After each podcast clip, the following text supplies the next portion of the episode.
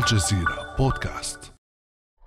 وجاءت فرنسا فكنا كراما وكنا الأولى يطعمون الطعام فأتخمها قمحنا الذهبي وكم تبتر الصدقات اللئاما وأوحى له قمحنا غزونا فأطلق هذه القموح سهاما وصب النفايات في أرضنا وخان المسيح وأغرى السواما.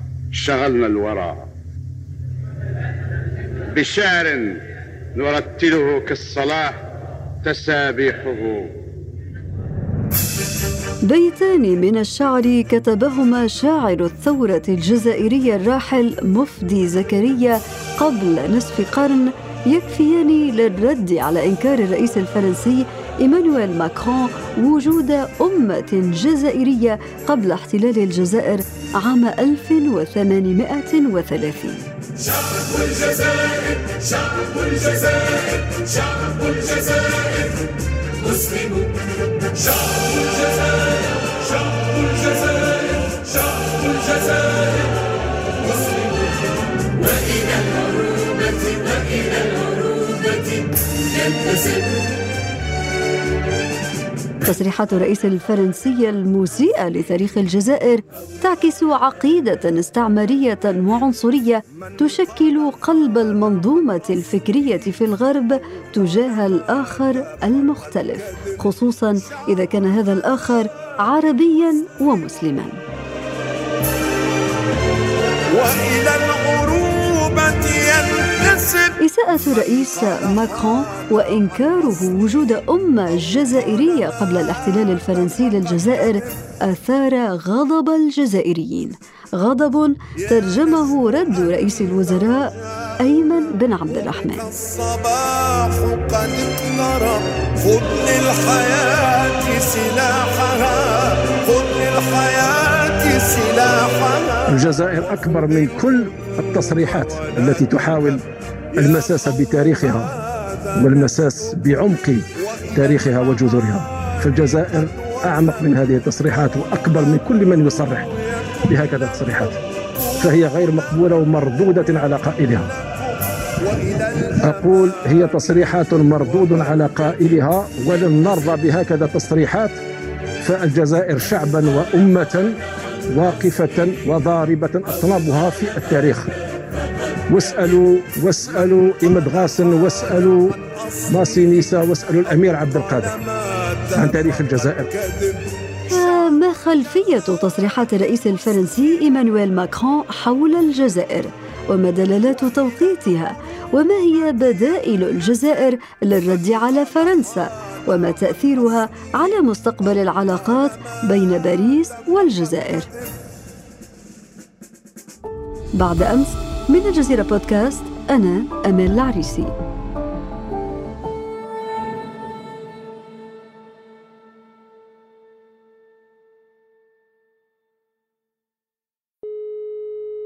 ويسعدني أن أستضيف معي في هذه الحلقة من الجزائر الدكتور نور الدين بكيس أستاذ علم الاجتماع السياسي بجامعة الجزائر. أهلا وسهلا بك دكتور نور الدين. أهلا شكرا. قبل أن نبدأ النقاش دكتور نور الدين ما الذي تضمنته تصريحات الرئيس الفرنسي إيمانويل ماكرون المثيرة للجدل حول الجزائر؟ هم اعتقد انه التصريحات كانت مهينة بشكل كبير جدا لأنها أعظم ما قامت به هو نفت وجود أمة جزائرية ما قبل الاستعمار الفرنسي، الاستدمار الفرنسي واهانت الجزائريين عندما تحدثت على أن نظام الحكم في الجزائر هو عبارة عن نظام عسكري مختلط بالسياسي وأن المسؤولين في حاجة ملحة دائمة وعائلاتهم إلى التأشيرة الفرنسية وبالتالي الارتباط النخبوي السلطوي بفرنسا الاستعمارية تم تأكيده وبالتالي الكثير من التصريحات التي لم نتعود عليها خاصة من أول مسؤول المسؤول أكبر مسؤول يعني في فرنسا وهي تصريحات رسمية عندما سمح لها بأن تشر وأن تدع بالتالي نحن أمام مشهد لم نتعود عليه، كان هناك اختلافات، كان هناك سوء تفاهم، تشنج في العلاقات، لكن كان دائما الطابع الدبلوماسي يطغى ويحاول إخفاء هذا النوع من الصدام اللفظي، لكن هذه المرة وعلى غير العادة كانت هناك إهانات بالجملة مست المسؤولين كما مست المواطنين ومست حتى يعني سمعة الجزائر وثقافة المجتمع الجزائر وموروثها يعني الثقافي. بالتالي نحن أمام مشهد غريب مقارنة بالسابق. طيب هذا يقودنا إلى التساؤل عن الجذور التاريخية والخلفيات الفكرية لتصريحات الرئيس الفرنسي المسيئه لتاريخ الجزائر. أعتقد أن الجذور ترتبط بالنزعة العنصرية النزعة الاستعمارية. كان دائما هناك كانت ثقافة فكرة الرجل الأبيض علوية الرجل الأبيض مقارنة بالأجناس الأخرى. من منطلق ماذا؟ من منطلق أنه كان هناك دائما سعي لتصنيف البشر وفقا لربما لخصوصياتهم من حيث البشرة من حيث اللون من حيث السمات البيولوجية. ثم تطور هذا المشهد وأصبح هناك تصنيف إثني يعتمد على الاختلافات في اللغة في طريقة الحياة في نوعية التاريخ إلى آخره. الكثير من الأشياء فوجدنا أنفسنا أمام نوعين من التصنيف. كلا التصنيفين يقصي كل ما ليس رجلا ابيضا وهذا الذي حدث بمباركة وبتزكية من المدارس العلميه حاولت أن تدعي أنها علمية وبررت لهذا التفكير الذي يسمح ويضفي شرعية على استعمار الآخر، على استدمار الآخر، على قتله، وهي الأفكار التي لا تزال موجودة. وللأسف الشديد لحد الآن ونحن في سنة 2021 لا زالت العقدة تطارد الشعوب المقهورة الشعوب المستعمرة بالأمس ونفس الوقت هي تطارد الشعوب المتطورة لأنه حتى الشعوب المتطورة لم تتخلص من عقدة ذلك الآخر المتفوق ورأينا ذلك بشكل واضح في الولايات المتحدة الأمريكية. بين الجنس الأبيض والسود ورأينا ذلك موجود في عدة دول يعني في آخر المطاف نحن أمام إشكالية صحيح أنها تتراجع لكن لا زالت وكأنها في نوع تحافظ على نوع من المقاومة هناك رغبة في الريادة والدليل على ذلك أن حتى ماكرون عندما استعمل هذا الخطاب استعمله بطريقة مناوغه بحيث تحدث عن الأمة. في حين أنه من الصعب جدا تحديد ما هي الأمة. كيف يستطيع أن يحدد أن الأمة الجزائرية لم تكن موجودة؟ في حين أنه المعتاد والمشهور والمعروف هو أننا نستطيع تحديد معنى للدولة. أما معنى الأمة هذا غير معقول لأنه مثلا اليوم التبت هي أمة لكنها موجودة داخل الصين وتطالب بالاستقلال. الأكراد يمثلون أمة. داعش في وقت من الأوقات كانت تفكر بمنطق الأمة ولم تكن تعترف بالحدود ولا بالسلطات ولا بتلك التقسيمات. وبالتالي هناك نوع من التلاعب من أجل تمرير خطاب سياسي لمرحلة معينة استعمل فيه مصطلحات فضفاضة مفاهيم فضفاضة. حتى فرنسا لم تكن أمة فرنسا فرضت على التلاميذ في وقت متأخر أن يتعلموا باللغة الفرنسية ثم أسست لحدود سياسية لأن الدولة هي تلك الصبغة السياسية من أجل حماية القوميات والإثنيات وما نسميه بأمة. وبالتالي لا يمكن الدخول في مثل هذا النقاش على أساس أنه لا يمكن حصره. اليوم الباسك يطالبون بالاستقلال ولديهم حركه انفصالية من منطلق أنهم أمة منفصلة عن فرنسا. بريطانيا تجزأ إلى أربع دول.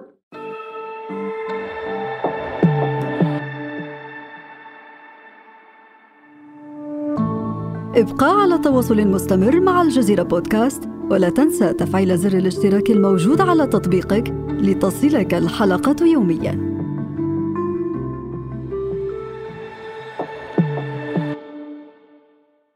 طيب دكتور نور الدين تحدثت عن أن الرئيس الفرنسي استعمل عبارات فضفاضة في إشارة لكلمة الأمة ولكن هل يستقيم الآن مع الواقع إنكار الرئيس الفرنسي وجود أمة جزائرية قبل الاحتلال؟ أعتقد أنه خطأ سياسي فادح إلا إذا وضعناه في خانة تصريح المرشح ماكرون للانتخابات لأنه لا يعقل أن يزج نفسه رئيس دولة كبرى كفرنسا بمثل هذا الخطاب هذا الخطاب يعني في الحقيقة دنيء بشكل كبير جدا من منطلق ماذا؟ أنه له تبعات هنا يجب أن ننتبه بأن المجتمعات الغربية وقد رأينا التجربة الأمريكية بشكل جيد لأنه كانت سباقة لا تهتم بما هو خارجي لا تهتم بالعلاقات الخارجية وإنما تعتمد في الانتخابات على ما هو داخلي وهذا الذي يحدث في أوروبا اليوم هذا هو الجديد. الجديد أن الرجل الغربي الأوروبي أصبح يبني مزاجه السياسي الانتخابي على الداخل داخل وطنه داخل ما يحدث على الشأن الداخلي. في الشأن الداخلي تطرح فكرة الجالية. ومدى وتأثيرات الجالية وذلك والوافدين الإثنيات والعرقيات الوافدة. وبالتالي ماكرون وجه الخطاب للفرنسيين ليقول أنا أني نسخة ماكرون الذي تعتقدون أنه رئيس مرشح ومنتوج المؤسسة المالية أستطيع أن أكون شخص رئيسا بكاريزما وشخصية قوية وأن أستطيع أن أفعل وأن أتدافع بشكل عنيف مع دول لا تتقاطع ربما نسبيا مصالحها عندما لا تتقاطع نسبيا مع فرنسا. هذه الصورة التي أراد أن يقدمها ليس ذلك البيروقراطي المالي الذي يبحث دائما عن التوافقات بمزاج دائما ربما فيه الكثير من التحفظ قدم صورة أخرى تتوافق مع طبيعة الخطاب السائد اليوم في فرنسا كمقدمة لحملة انتخابية للرئاسيات. لأنه كل خطاب تقريبا أصبح متطرف.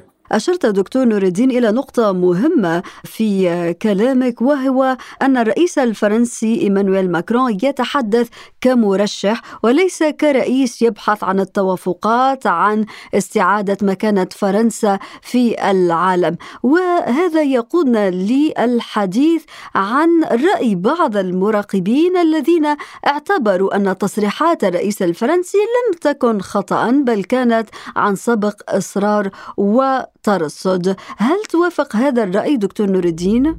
نعم أوافقه من منطلق أنه ماكرون انطلق من استراتيجيته الداخلية. لم يهتم لرد فعل الجزائريين. ولا لرد فعل السلطات الجزائرية بالدرجة الأولى لأن حساباته مقتصرة حاليا على الداخل الفرنسي. يجب أن ننتبه بأن فرنسا اليوم ليست فرنسا أمس ليست فرنسا الدولة العظمى الدولة الكبرى. وهذا طبيعي جدا لأن الكثير من الدول تراجع نفوذها. أين بريطانيا الاستعمارية الكبرى؟ أين الولايات المتحدة الأمريكية التي كانت تستطيع أن تراقب كل العالم؟ هذه الأدوار لها تكلفة لا تستطيع أن تدفعها هذه الدول سواء ماديا أو بشريا أين اليوم الجندي الفرنسي الذي يقبل بأن يموت خارج الديار الفرنسية من أجل مصالح مادية؟ الواقع تغير. الكثير من الأشياء تغيرت. جعلت فرنسا أصبحت تناقش في بعض النفوذ وبعض المصالح مع دول أخرى. متى كانت فرنسا تتدافع في داخل إفريقيا عند امتدادها كمرود استعماري قديم مع تركيا، مع الصين، مع روسيا، لذلك لا يجب أن نضع هذه الخطابات بناء على فرنسا القوية، فرنسا ليست بتلك القوة ولم تستطع حتى التوافق على موقف من الملف الليبي داخل أوروبا، وبالتالي هناك شيء تغير.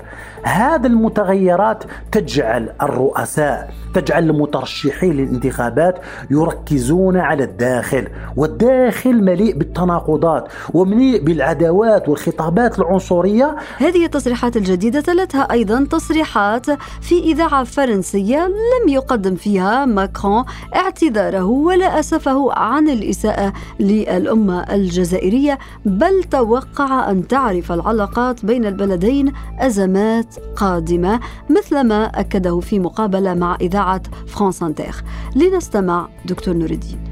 Et donc il y aura immanquablement d'autres tensions. Mais je pense que mon devoir... ستكون هناك لا محالة توترات أخرى. وواجبي هو المضي قدما لاستكمال هذا العمل من أجل شبابنا والملايين من مواطنينا. وأظن أن عدم قدرتنا على مواجهة هذا التاريخ بكل مكوناته بشكل مباشر هو السبب الرئيسي لمشكلاتنا في كل القارة. برأيك دكتور نور الدين ما تأثير مثل هذه التصريحات على مستقبل العلاقات بين فرنسا والجزائر؟ أعتقد أن العلاقات تغيرت إلى حد ما فهي معلقة. على أساس لا يمكن الذهاب بعيدا في تشنج العلاقات لأن المشترك بين الجزائر وفرنسا كبير جدا. نحن نتحدث عن ملايين المهاجرين ملايين من يحملون جنسيات متعددة.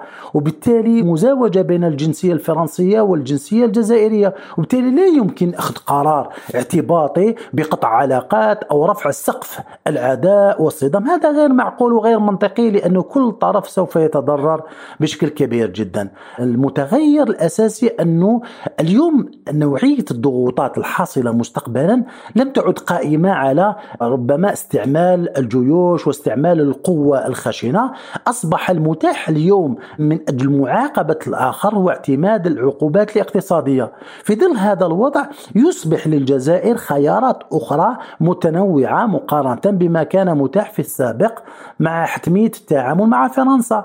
اليوم تدق باب الجزائر الصين تركيا الهند أي دولة تعرض خدماتها لأنها تنظر للجزائر كسوق فقط كمصالح مالية. وبالتالي الورقة التي كانت متوفرة لا تستطيع فرنسا أن تتحكم فيها بالشكل الكافي كما كان في السابق.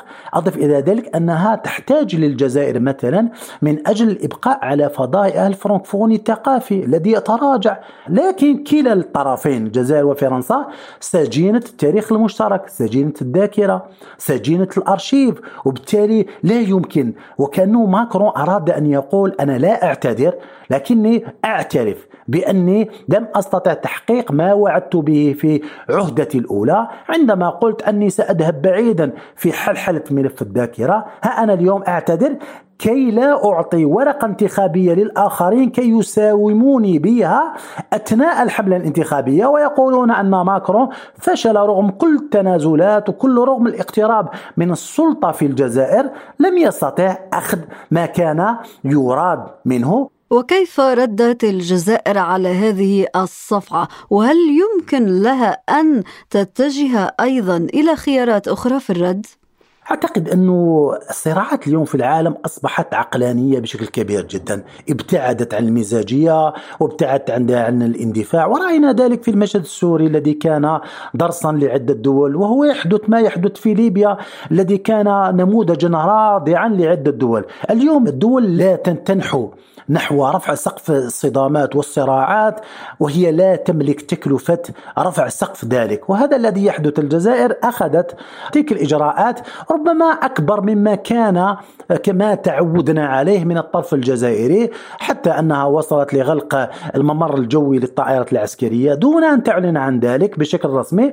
وبالتالي نحن أمام مشهد يحترم ربما إمكانيات وموارد كل واحد. لقد خطت الجزائر خطوة كبيرة مقارنة بإمكانياتها. هي لا تملك القدرة على مناكفة وتدافع مع فرنسا بشكل كبير جدا لأنها لم تحقق حتى الاستقلال الاقتصادي الاستقلال الذاتي. ليس لها اقتصاد قوي تستطيع أن تواجه به وبالتالي لا زالت تعاني من هشاشة داخلية تعاني من هشاشة تسمح لفرنسا نسبيا بالتعطيل لأنه المطلوب أن ننظر من زاوية أخرى، لا يهم هل الطرف الآخر يستطيع غزو كلام من هذا النوع، هذا انتهى، لكن يجب أن نفكر من هي الدول التي تستطيع أن تعطل مسارك التنموي أو تعطل إنجاح ربما محاولة النهضة، وهذا يجب أن يحسب له ألف حساب مع فرنسا، لذلك أعتقد انه كلا الطرفين ذهب إلى مسألة ربما تخفيف حدة النزاع وكلام كلام ماكرون رغم أنه لم يعتذر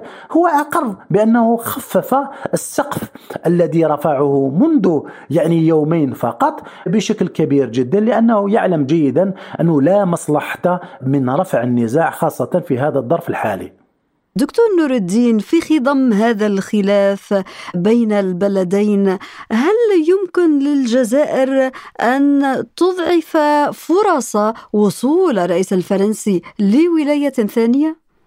أعتقد أنه من الصعب جدا ذلك لأنه طبيعة المهاجر الجزائري هو ليس مهاجرا مشاركا سياسيا ليس مهاجرا مندمجا بشكل كبير جدا وإنما ثقافة المهاجر الجزائري هو البحث عن ظروف أفضل للحياة.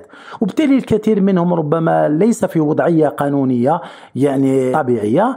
أضف إلى ذلك أنهم لم يتعودوا على أنماط من المشاركات السياسية والجماعية والمجتمعية. كافي. والدليل على ذلك أنها ليست لها لوبيات. لم نسمع بلوبيات حقيقية. فقط في الآونة الأخيرة بدأ الجزائريون يتشكلون في جماعات عندما حاولوا مساندة الحراك بأشكال متنوعة. وبالتالي نحن لم تولد بعد جالية سياسية تتمتع بنص سياسي ومشاركة سياسية قوية حتى يحسب لها حسابات حقيقية أثناء المواعيد الانتخابية الكبيرة إذا ما يمكن التوصل إليه من خلال حوارنا دكتور نور الدين هو أن كلا البلدين من المتوقع أن يتجاوز هذه الأزمة الدبلوماسية، أليس كذلك؟